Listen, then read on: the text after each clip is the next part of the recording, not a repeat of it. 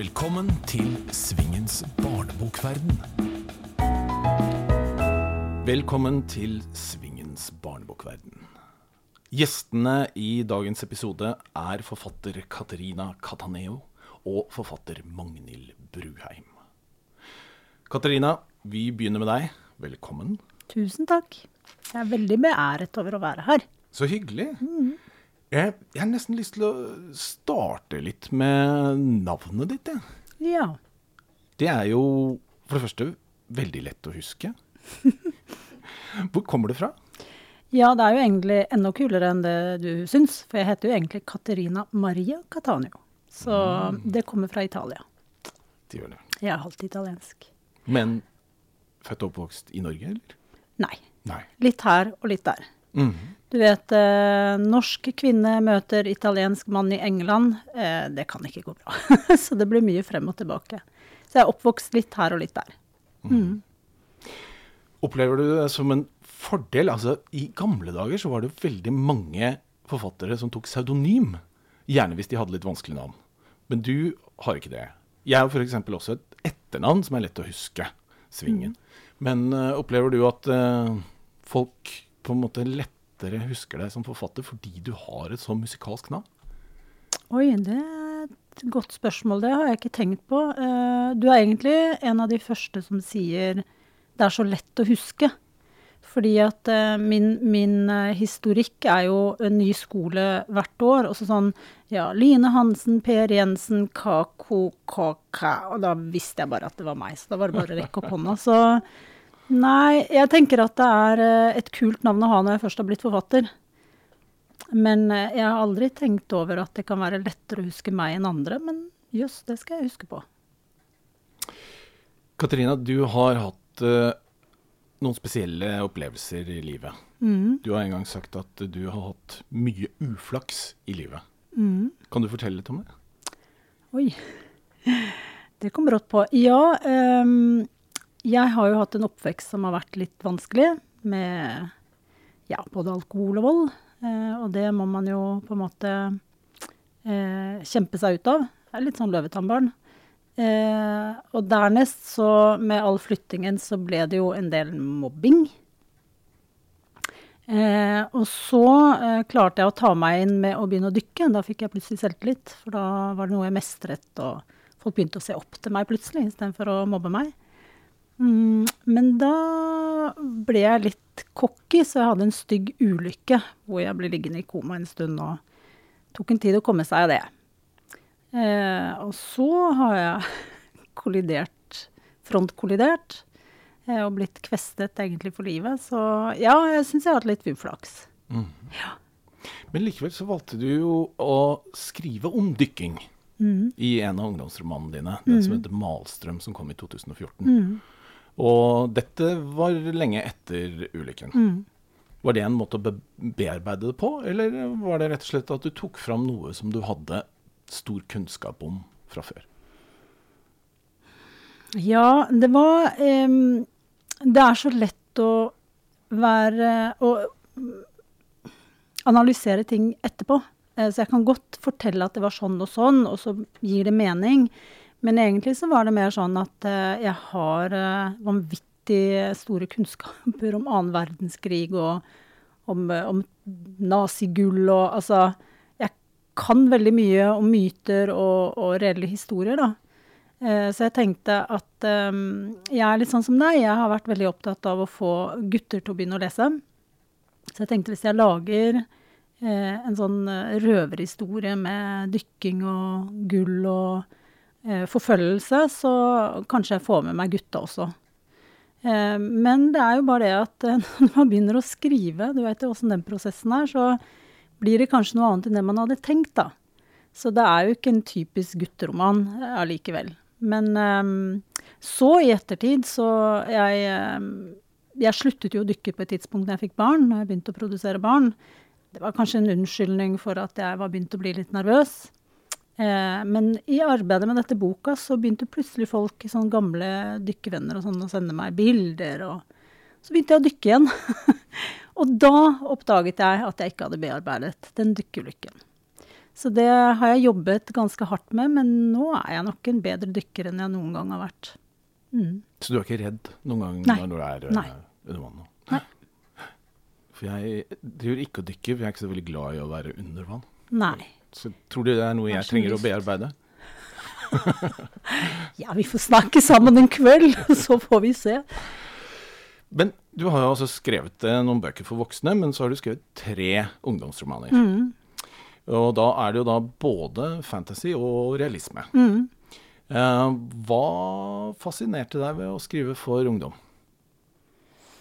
Ja, eh, det spørsmålet får jeg ofte. Eh, og jeg hører ofte forfattere svare på måter som provoserer meg litt. Eh, fordi at jeg driver ikke med dette for å tjene penger eller for å Ja ja, man blir jo ikke rik av det, men det er, jeg gjør ikke dette for noe annen grunn enn fordi jeg liker ungdommer. Jeg liker å skrive for dem, jeg liker å henge med dem. Så det å skrive bøker gir meg en unnskyldning til å komme ut og så henge litt med dem.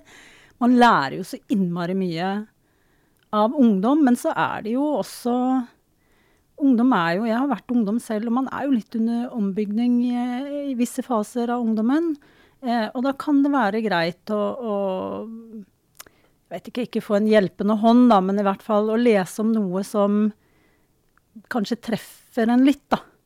Eh, og som, altså, som, som får tankene i gang på måter som ikke jeg har tenkt ut på forhånd, men som jeg håper kan gjøre noe med eh, hvordan ungdom tenker først og fremst på seg selv, da.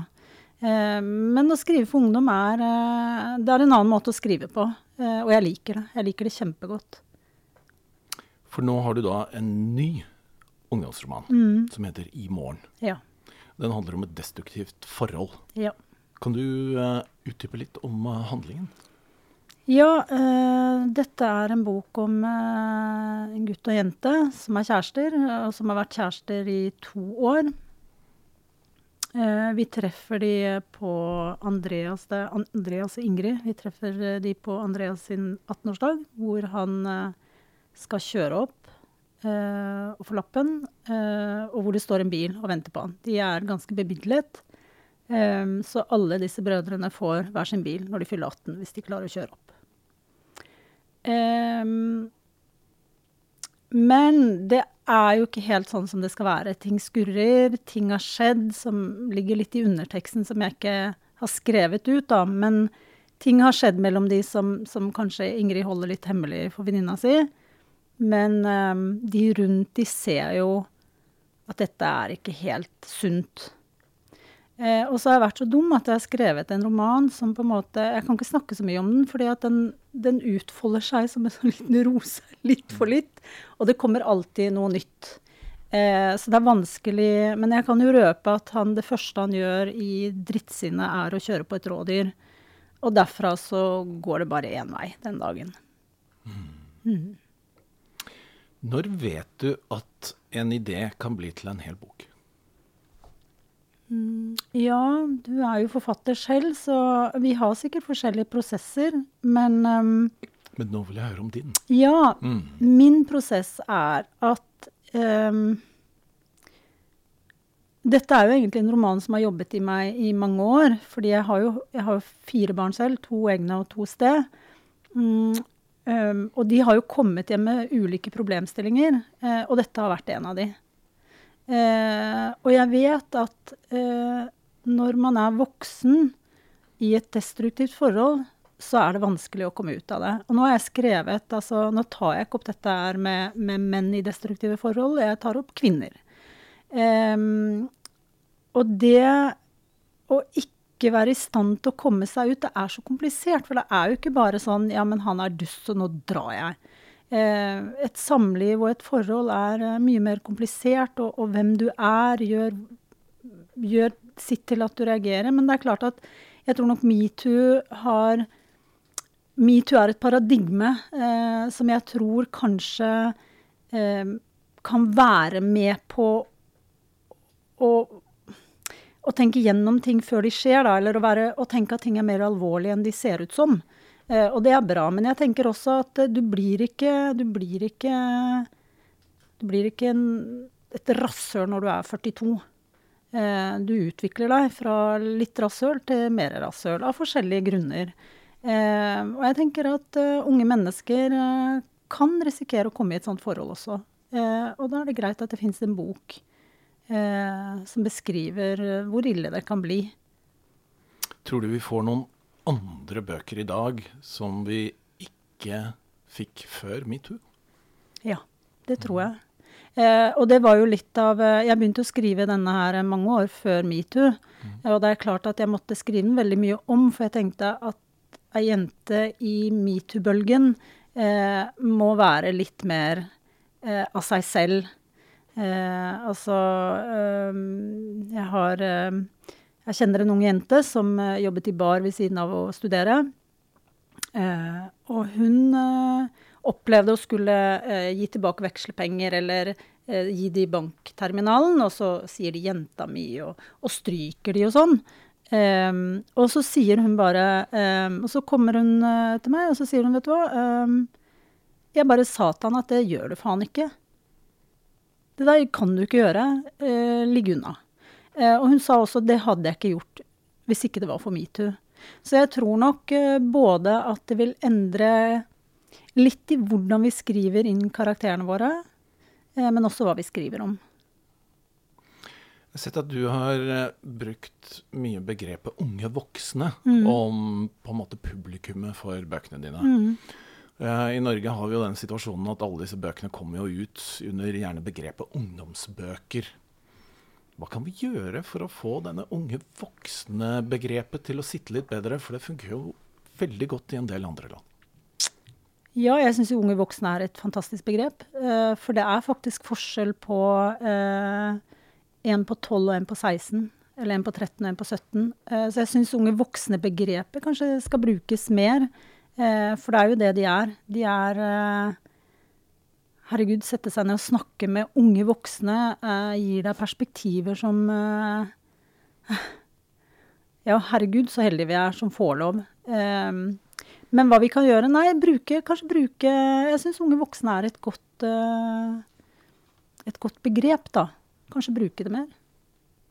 Jeg syns jo det er veldig stor forskjell på Altså, jeg prøvde jo å skrive en, uh, en science fiction-roman for uh, sånn åtte-tiårige gutter igjen.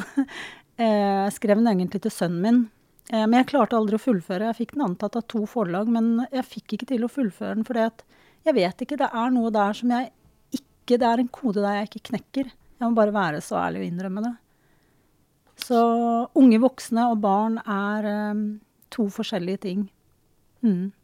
Men ungdom og unge voksne er vel også Ja, det er en sånn glidende overgang, tenker mm. jeg. Det kommer jo an på leseferdighet, det kommer an på erfaringer, det kommer an på så mye. Så der vil jeg ikke satt noe alder. Der er det mer snakk om modenhet, da.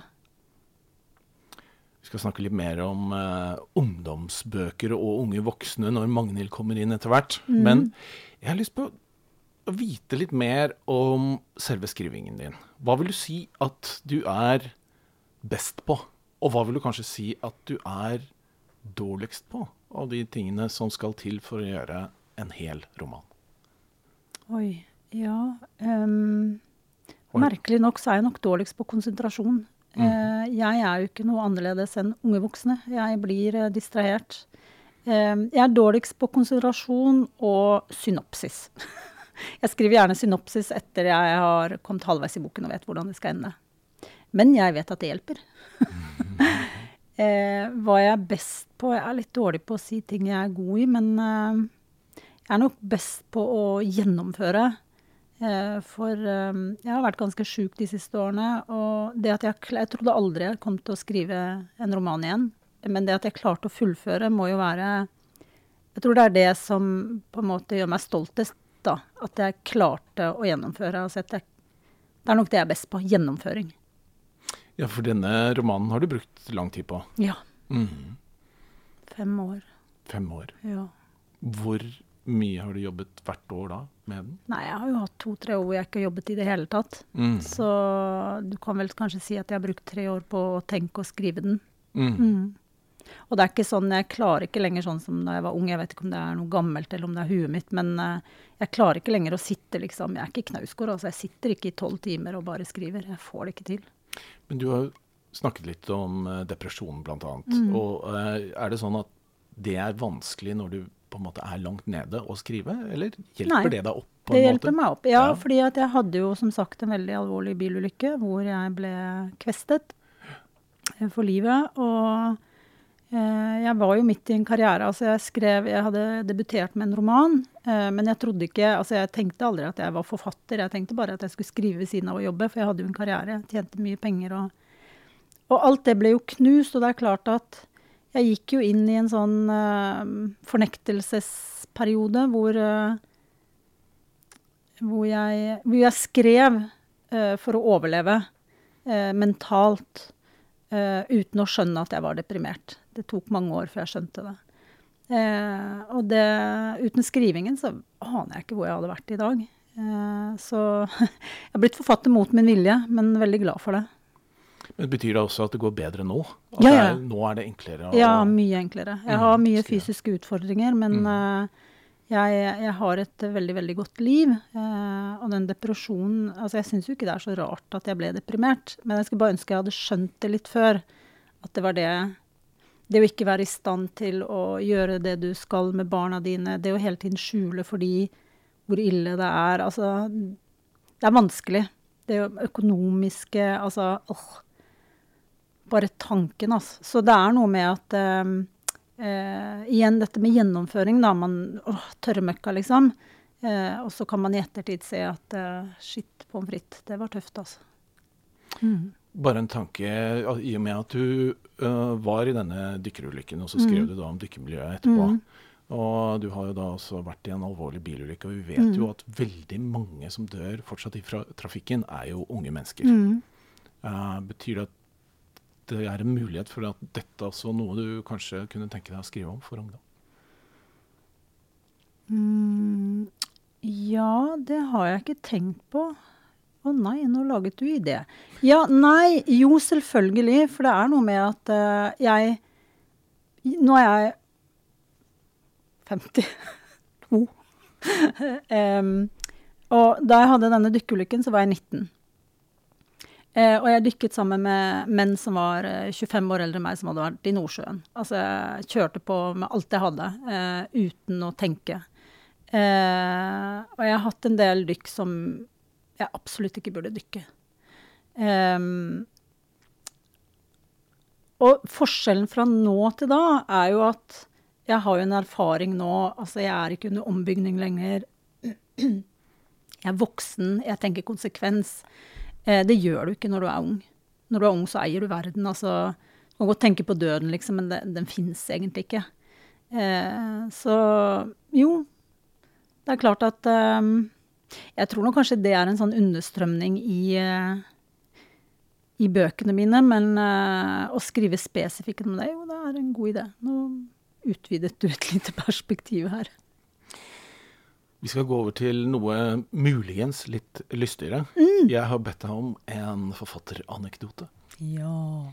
Den har du hørt før, men det er nok ikke alle som har hørt den. fordi at det å, Som sagt så liker jeg å henge med unge folk. Uh, så en av de første gangene jeg var på turné, uh, så fikk jeg en ganske lang turné.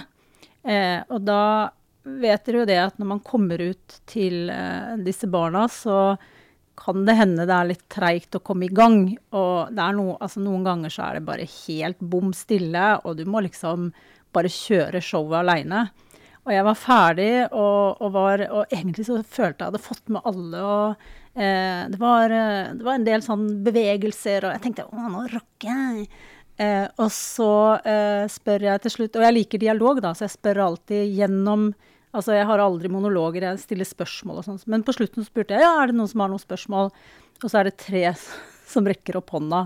Eh, eh, altså, ja, vær så god, sier jeg til henne. Ja, kjenner du Ingunn Aamodt og Arne Svingen?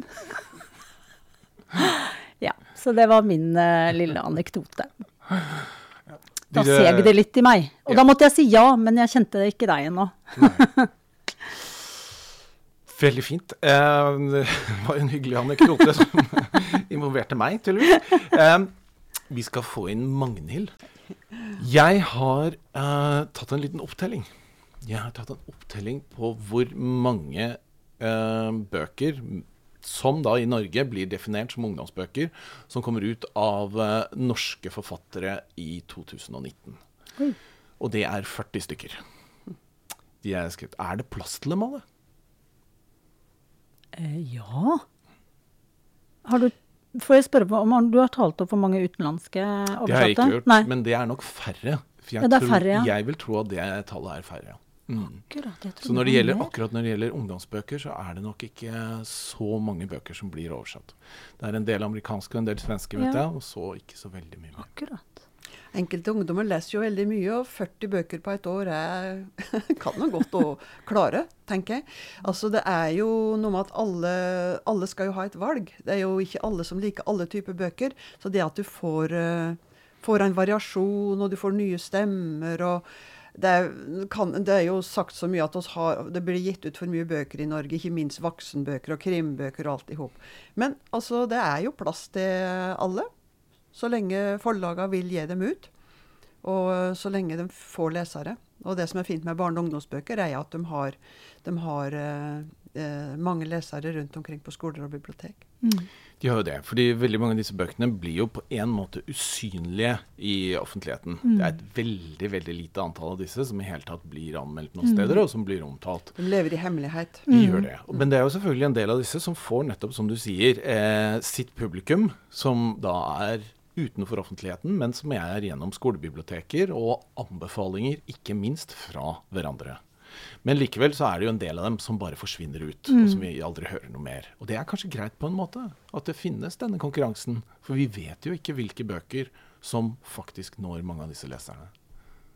Ja, vi vet kanskje noe. Det er jo noen bøker som blir stående. altså sånn uh, Uprisen-bøkene blir jo stående. Ark barnebokpris. altså Sånne bøker blir jo stående igjen som en sånn um, Men um, ja, jeg tenker at uh, den undergrunnen er bra, jeg, altså. Jeg syns ikke 40 bøker Jeg ble litt overrasket over at det var så lite, egentlig. Jeg trodde det var mye flere. Det er årets tall, i hvert fall. Mm. Jeg skal ikke si om det er gått opp eller ned. Nei, da syns jeg definitivt 40 i på et Nei, nei, nei, ikke for mye. Det er som Mm. Magnhild sier, eh, eh, barn og unge er forskjellige, og de liker forskjellige ting, og de tar til seg forskjellige ting. Og det, de begynner sikkert på bøker som de ikke avslutter fordi de syns det var kjedelig, liksom. Eh, og da har de noe annet eh, å begynne på. Og jeg tror det var, hvis, det, hvis det var slik at forlagene skulle begrense antall utgivinger, så ville de mye lettere tenke hva er det som kan selge til ungdom? Yes. Hva er det som kan selge til ungdom? Mm. Uh, og da vil kanskje en del bøker som uh, kan dette litt utafor fordi de ikke er så nødvendigvis så etterspurt, men som har et budskap som er viktig å Mm. komme ut til, eh, til de ungdommene som kan få tak i dem. Mm. For uh, av disse 40 så er jo tre av oss i dette rommet som har uh, ungdomsbøker i år. Mm. Og en av de tingene som er viktig, kanskje særlig med den type bøker, er jo da formidlingen av dem. Mm. Hva er det vi gjør vi er flinke på når det gjelder formidling av ungdomsbøker i dag, og hva er vi ikke så flinke på? Hvem er vi da? Ja, Ja, jeg tenker ikke på kanskje primært oss tre, men jeg tenker på formidlingen generelt som foregår på biblioteker, gjennom Les, som foregår i forskjellige fora rundt omkring fra forlag i, i Norge. Ja. Jeg har eh, Dette er en sånn torn i min side, faktisk. Fordi eh, jeg opplever veldig mange som faktisk som jobber til og med forfattere, som jobber med barne- og ungdomslitteratur, disser den litt. Eh, ja, mm, har du skrevet noe det siste? Ja, nei, jeg holder på med roman, men altså Og så senere i samtalen, ja, så kommer det en barnebok. Og så tenker jeg, tuller du med meg? Altså, hvis det er den holdningen som, som eksisterer der ute, så er det ikke rart at foreningen Les og Uprisen jobber så i motvind. Altså, vi må jo først og fremst eie vårt eget eh, prosjekt, på en måte. Altså, da, jeg mener ikke at barnelitteratur er den viktigste litteraturen i verden. Jeg mener at den er vikt, like viktig som annen type litteratur. Men jeg mener heller ikke at man skal disse det kunsten man lager for barn. Det, men det, det, det er sånn evigvarende samtale. Men jeg tenker at der, det begynner der. Holdninger det er flere som må endre holdning. Mm. Nei, nå ble jeg streng. Nei, for eh, Barne- og ungdomsbøker lir jo den skjebne som også så vidt var inne på, at den blir borte i offentligheten. Altså, Vi kan ikke vente oss særlig hjelp av kritikere, anmeldere. Enda dårligere enn før. Nå er det jo også ille for voksenbokforfattere. Men det at oss da har eh, altså Du må liksom stole på formidlerne da, i bibliotek, i skole. eh, og, og alle de leseaksjonene her i år er veldig veldig positive. Det ser en jo når en er rundt i skoler, at der henger henger liksom uh, bildet av bøker, og du skal sette karakter, og du skal lese. Jeg tenker bl.a. på, leser, nei, på, på uh, de prisene som, som de blir Mm. nominert til, osv. Jeg har bedt dere om et spørsmål til hverandre. Så jeg lurte på, Magnhild, skal vi begynne med ditt eh, spørsmål til Ja. Katarina? Jeg har jo mange, da, fordi at jeg tenkte noen av dem har sikkert Arne stilt før jeg, før jeg får anledning. Gjorde jeg det? Nei, ja, ja, du var inne på flere. Um, nei, jeg tenker på én ting, for dette har jo med prosessen og med egen erfaring å gjøre. Så tenkte jeg, hvor tilfreds er du med ei bok når hun er ferdig? Å ja. Aldri tilfreds nok. Eh, Da denne boken gikk i trykken, så tenkte jeg nei, nei, nei, nei, nei jeg skulle tatt én runde til. Eh, så nei, jeg er aldri helt tilfreds. Eh, og det går jo på eh, disse små, subtile tingene som man gjerne ser i ettertid. var jeg var på forlagsfest, og det første kom en løpende og sa det er en skrivefeil helt i begynnelsen på dedikasjonen. Jeg bare nei. Så nei, eh, aldri fornøyd. Katarina, skal vi ta ditt eh, spørsmål til Magnhild? Ja, jeg hadde mange, jeg òg. Men jeg, siden ikke jeg har hørt uh, intervjuet, så bare kjører jeg på med Er det noe som du ikke skriver om fordi du ikke tør, eller fordi du tar noen hensyn? Er det noe du ikke kan skrive om? Jeg tror jeg kan skrive om alt når det gjelder tema. Det tror jeg ikke jeg vil være redd for. Men når det gjelder hensyn, så er det én ting, og det er jo hvis jeg skriver om personer som, som jeg kjenner, eller som jeg vet om, altså som kan kjenne seg igjen. Skriv fra virkeligheten, som det heter. Da Eh, Da vil jeg ta hensyn, og det har jeg gjort også. Ikke, Mm. ikke, det gjelder ikke barnebok, eh, barne- og ungdomsbøker, men det gjelder voksenroman. Og Mm. da, da tenker jeg veldig på de personene jeg skriver om. Ja. Mm. Katarina, da skal vi si tusen takk til deg. Takk for at jeg fikk komme. Og eh, Magnhild, der, eh, nå står du godt. Ja. Ja. For nå skal det handle om deg og dine bøker. Mm. Og da tenker jeg vi egentlig går rett på eh, din nye bok. Som er jo da eh, presentert som en ungdomsroman, og som heter 'Avlyst på grunn av sorg'. Det høres ikke ut som en humorbok. Nei, det er ikke humor. Uh, og um, det er jo sorg. Så kan du si uh, den, den handler mye om sorg, men det handler også om ulike typer sorg. Uh, det starta jo med kjærlighetssorg. Og der ville jeg jo uh, få fram alle de kaotiske følelsene som, som begynner å herje med en ungdom som har hatt det ganske bra, hatt veldig vellykka, alt er liksom gått på skinner. Og så får du ei kjempekjærlighetssorg, og så begynner du med slike veldig negative opplevelser. Altså slik hat, sjalusi, hemmelyst og alt slike ting. Så jeg hadde lyst til å eh, røske opp i en del slike ting og la dette spinne. Eh, og så har du da ei sorg som er litt tyngre, for det kommer inn da en annen person. Ja, en litt mystisk figur. En litt mystisk figur Som som, eh, har slått seg til i et telt i skogen, og som uh, hovedpersonen Eline i sin frustrasjon bare tilfeldigvis støter på, fordi at hun går seg helt bort i skogen i sin egen sorgtåke, hvis en skal kalle det det. Uh, og så uh, er det da en gutt som er, skjønner er litt yngre enn seg, og som hun eh, ikke får noe særlig svar fra. Hun vil bare være i fred.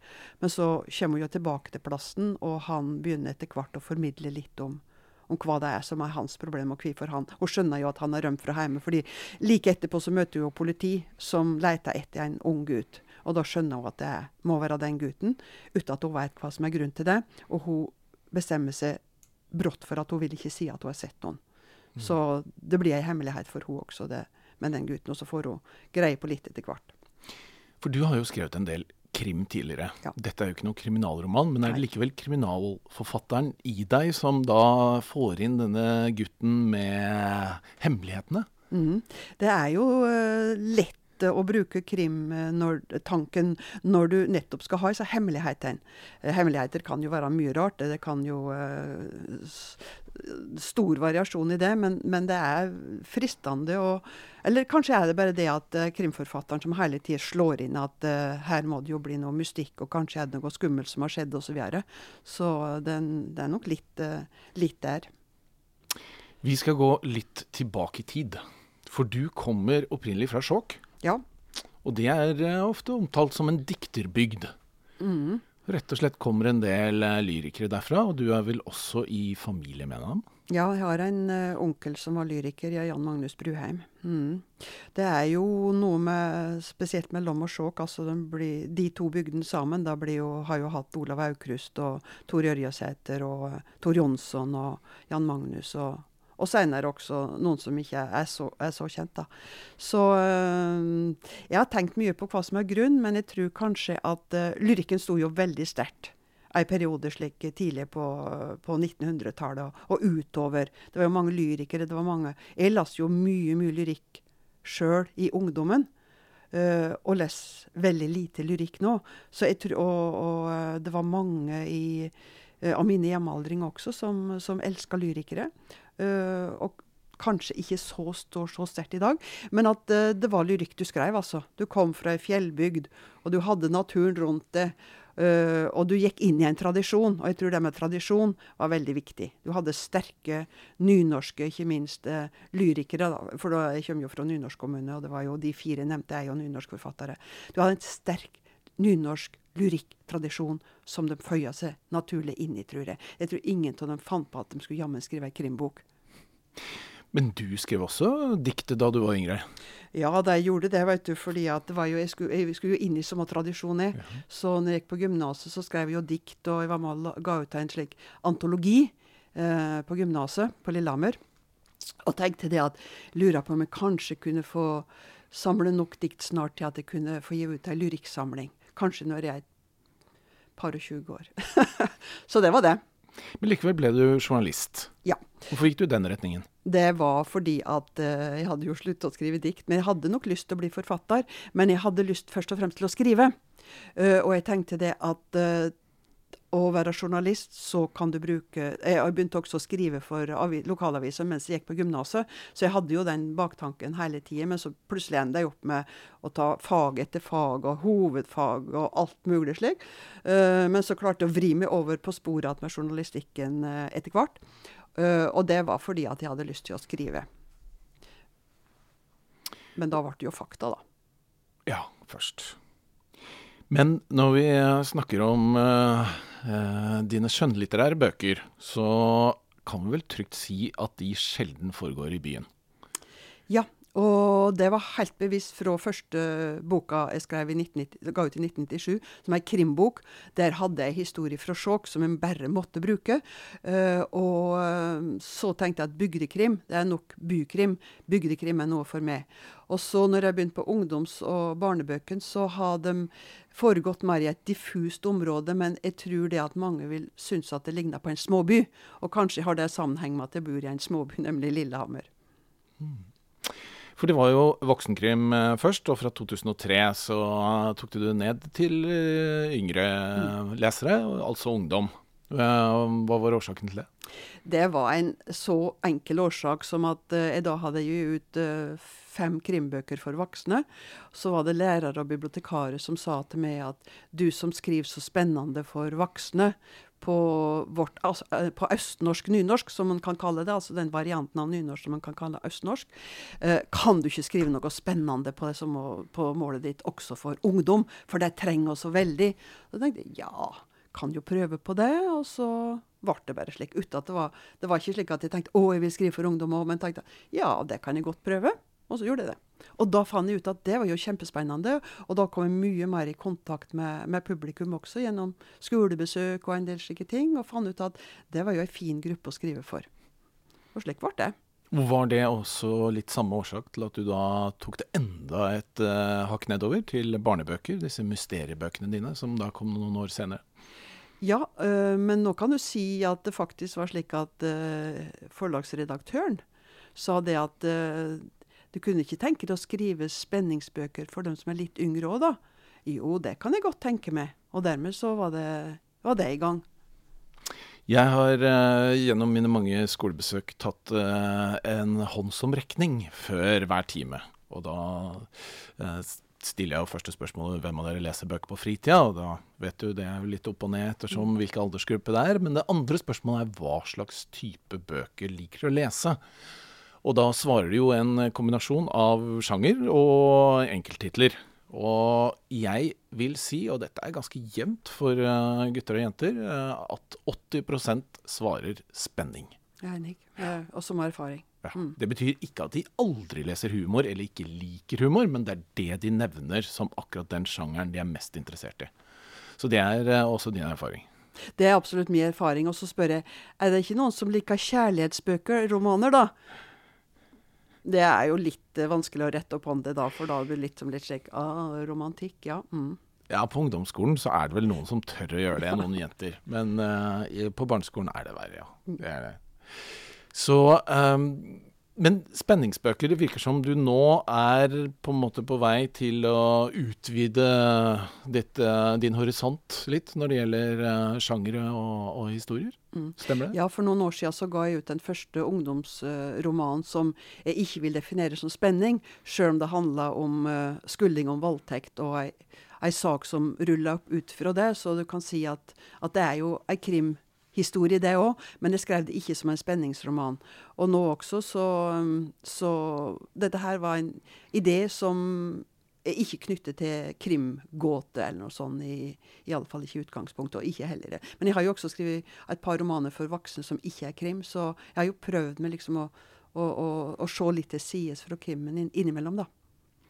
En del av uh, de forfatterne som skriver på nynorsk som har vært i den podkasten, uh, gjør noen ganger det at de faktisk skriver på bokmål også.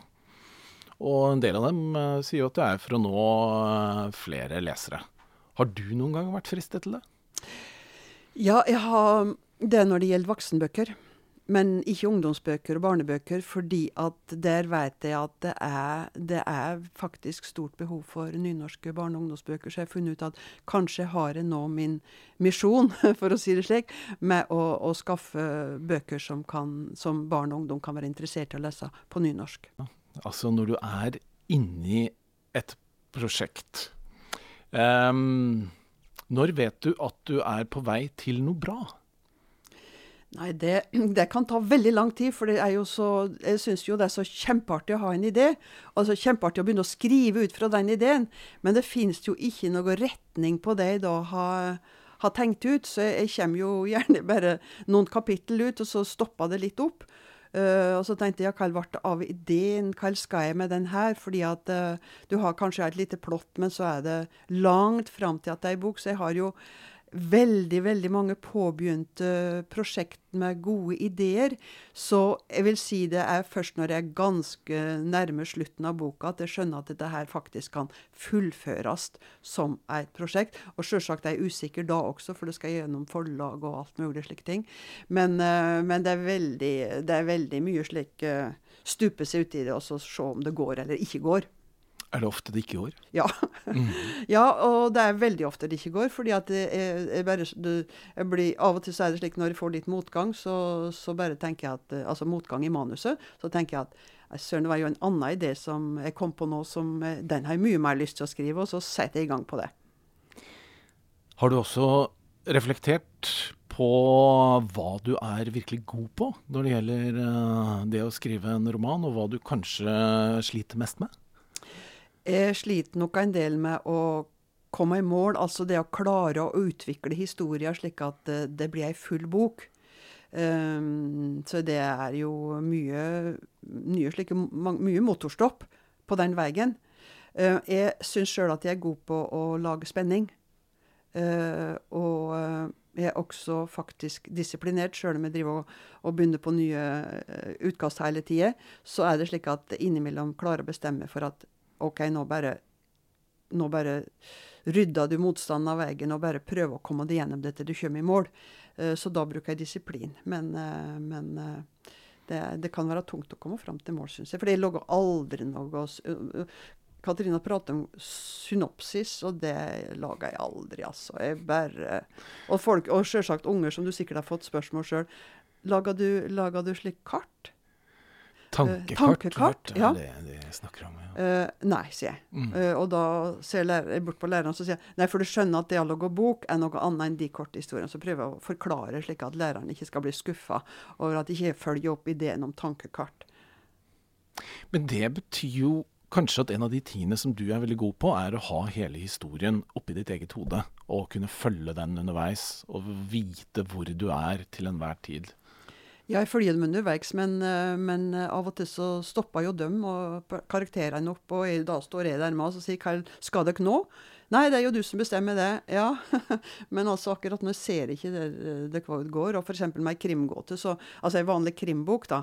Med politietterforsker så er det jo lett å si til politietterforskeren Du, det var en person der som du, som du var litt borti. Eh, kanskje skal du gå og snakke med den personen en gang til. Kanskje kommer det fram noe. Og da gjør det gjerne det. Og da blir jeg som en politietterforsker. Jeg vet ikke mer enn politiet, men jeg får greie på det gjennom den samtalen som politiet har. For i krimbransjen så snakker man ofte om at eh, alt må forklares til slutt, ellers så blir leseren skuffet. Ja. Min erfaring er jo kanskje at eh, ungdom i det hele tatt ikke er så glad i åpne slutter. Og særlig når det gjelder da krim for ungdom, så er vel det kravet nesten absolutt. Eller hva? Ja, og jeg syns det er absolutt, for jeg, jeg, jeg hater jo sjøl åpne slutter, og der du på en måte føler meg jo, eh, lura på slutten. At ja, skulle jeg ikke få oppklart alt nå, sitter jeg med mange spørsmål som jeg ikke har fått svar på. Da, da syns jeg det er en dårlig bok. Så jeg er veldig veldig tydelig på at det skal snøre att alt på slutten, og alt skal du kunne ha svar på. Når, boka, når du legger fra deg boka, så skal du på en måte føle at nå er ting rydda opp. Og kanskje også komme tilbake i balanse. For du vet jo det at i krimbøker så er det ubalanse helt til du på en måte er rodd i land og sier at OK, nå er det på nytt balanse. Harmoni. Du skal jo ha alle disse puslespillbitene på plass eh, på slutten. Og noen ganger så skjønner jeg at de ikke kanskje passer helt, og du må finne noen andre løsninger. Hvilke metoder har du for å komme på de løsningene? Ehm, altså, For å si det slik, uh, i krimbok så er slutten det jeg skriver om flest mulig ganger, fordi det nettopp uh, butta liksom at nei, dette ble, ikke riktig. For det er ikke bare det at det skal være løsning, det skal være spenning helt til siste slutt. Og så skal det være noe overraskende der òg. Og eh, alt det der er litt vanskelig å få til, så det er rett og slett å skrive om igjen og om igjen, tror jeg, som, som gjør at det, at det får sydd i hop til slutt. Men hva med starten? Er det også et punkt? For, for, Starten for er det letteste for meg. Så jeg forandrer faktisk den sjelden, bortsett fra når jeg blir helt nødt. Når jeg ser at her må jeg gå tilbake, for den personen er jo ikke lenger den personen du starta med å skrive. Den er nå blitt en annen person. Så nå må du få det rota, altså, få rydda opp til starten. Men akkurat starten, det er veldig sjelden jeg skriver om starten. Ja, altså fiksa litt på det, men å skrive det om på nytt og lage en helt ny start, veldig sjelden gjør jeg. Jeg bruker å være Der er jeg i gang, og så få se. Men slutten, der, der butta det. Veldig interessant å høre at folk jobber så forskjellig, Ja. og ikke minst motsatt av det jeg gjør. Ja, nettopp. Som alltid sitter og skriver om starten. Ja. um, jeg har også bedt deg om eh, en anekdote fra forfatterlivet ditt. Mitt forfatterliv. Ja, jeg har jo vært mye på skoler og burde jo liksom huske Jeg syns jeg har vært oppe i mange artige episoder, og så skulle jeg tenke meg om, så husker jeg ingenting. Men jeg kan fortelle om uh, ei, eh, ei historie som, som handler om eh, det å skrive om virkelige personer. Eh, og det er i ei voksenbok, for da i den ene voksenboka mi så skriver jeg veldig mye fra mitt eget liv, og det er ikke noe hemmelighet at jeg gjør det, sjøl om det er en fiksjon. Uh, men det handla om da jeg var barn og opplevde noe som jeg hadde lyst til å ha med i den boka her. For da var det jo slik at jeg forhandla med uh, fram en kjæreste, for søstera mi, som var fem år, hadde vært på Vestlandet, kom hjem og hadde to kjærester, og den ene var åtte, og jeg var sju. Og tenkte jeg, han burde jeg hatt. Og da fikk jeg forhandla meg fram til at han skulle bli min. Eh, Så han var kjæresten min et helt år, fram til jeg også var på Vestland og skulle møte den gutten som da var eh, nærmere ti, og da, nei, ni, og jeg var åtte. Eh, Men det var liksom hvordan jeg skulle formidle til han at var, han var nå min. Det ble litt vanskelig, så jeg prøvde meg liksom litt slik Og da måtte jeg bruke det grepet som oss gjør som forfattere, at for å vekke interesse, så må du uh, lansere noe som er ei hemmelighet. I starten av ei bok, ikke sant. Så sa jeg det at til en da, som virka helt uinteressert Jeg veit noe om søstera mi, en gutt i sjokk, sier jeg. Å? Da fanga interesse, veit du. Ja, ja, hva det er da? Nei, det vil jeg ikke si. Ja, si det! Nei. Og da øh, fikk en faktisk til å springe etter meg. Og jeg bare venta på å kjenne armene rundt meg. Men isteden snubla jeg over en stein og kutta kneet mitt. Jeg har arr den dag i dag etter hvordan det gikk med første sjekkeepisoden min. Og måtte, var hui og hast til doktor, sy og alt mulig slik. Og den gutten så jeg jo ikke noe mer til, og følte meg litt svikta. Men så den episoden skrev jeg jo eh, nokså realistisk i den boka, så tenkte jeg at dette får han aldri aldri han Jeg aner ikke hva han er i verden. Uh, men så er det slik at, at veiene går jo på kryss og tvers. altså Noen hadde jo vist den det der. For alle kjent, visste jo hvem han var. Og da sa han det at uh, Å, jeg trodde hun hadde kommet over det der. ja. Er det ofte du bruker uh, virkelige hendelser i bøkene dine? Nei, den første romanen min der brukte nok en god del historier fra sjokk og personer fra sjokk. Uh, uh, men har, i ungdom, barne- og ungdomsbøker så henter jeg veldig lite fra mitt eget liv og fra folk jeg kjenner. Så, men i den ene romanen som jeg snakka om, så bruker jeg jo veldig mye mitt eget liv. Ungdom bruker jo å spørre meg, eller voksne òg for så vidt, hvordan kan du skrive om ungdom når du er så gammel? hvordan vet du hvordan ungdom har det? Så sier jeg at nei, det er en god del som er forandra, men uh, jeg tror jeg vet veldig mye om det å være ungdom. Fordi det er, sett så sterke merker i livet ditt, det du opplever som ungdom, følelseslivet ditt osv. Så, videre. så jeg tror det at jeg har omtrent de samme følelsene som de som er unge i dag. Så alt rundt oss uh, har utvikla seg, vært forskjellig, og alt slik uh, sosiale medier og masse andre ting, måter folk er sammen på osv. Men det er noe i følelseslivet vårt som jeg tror er ganske likt. Det syns jeg var en uh, god ord å avslutte dette intervjuet med. Magnhild, tusen takk for at du kom. Takk til Katarina, og tusen takk til Cappelen Dam for lån av studio. Vi høres igjen om en måned. Du har hørt på Svingens barnebokverden med Arne Svingen.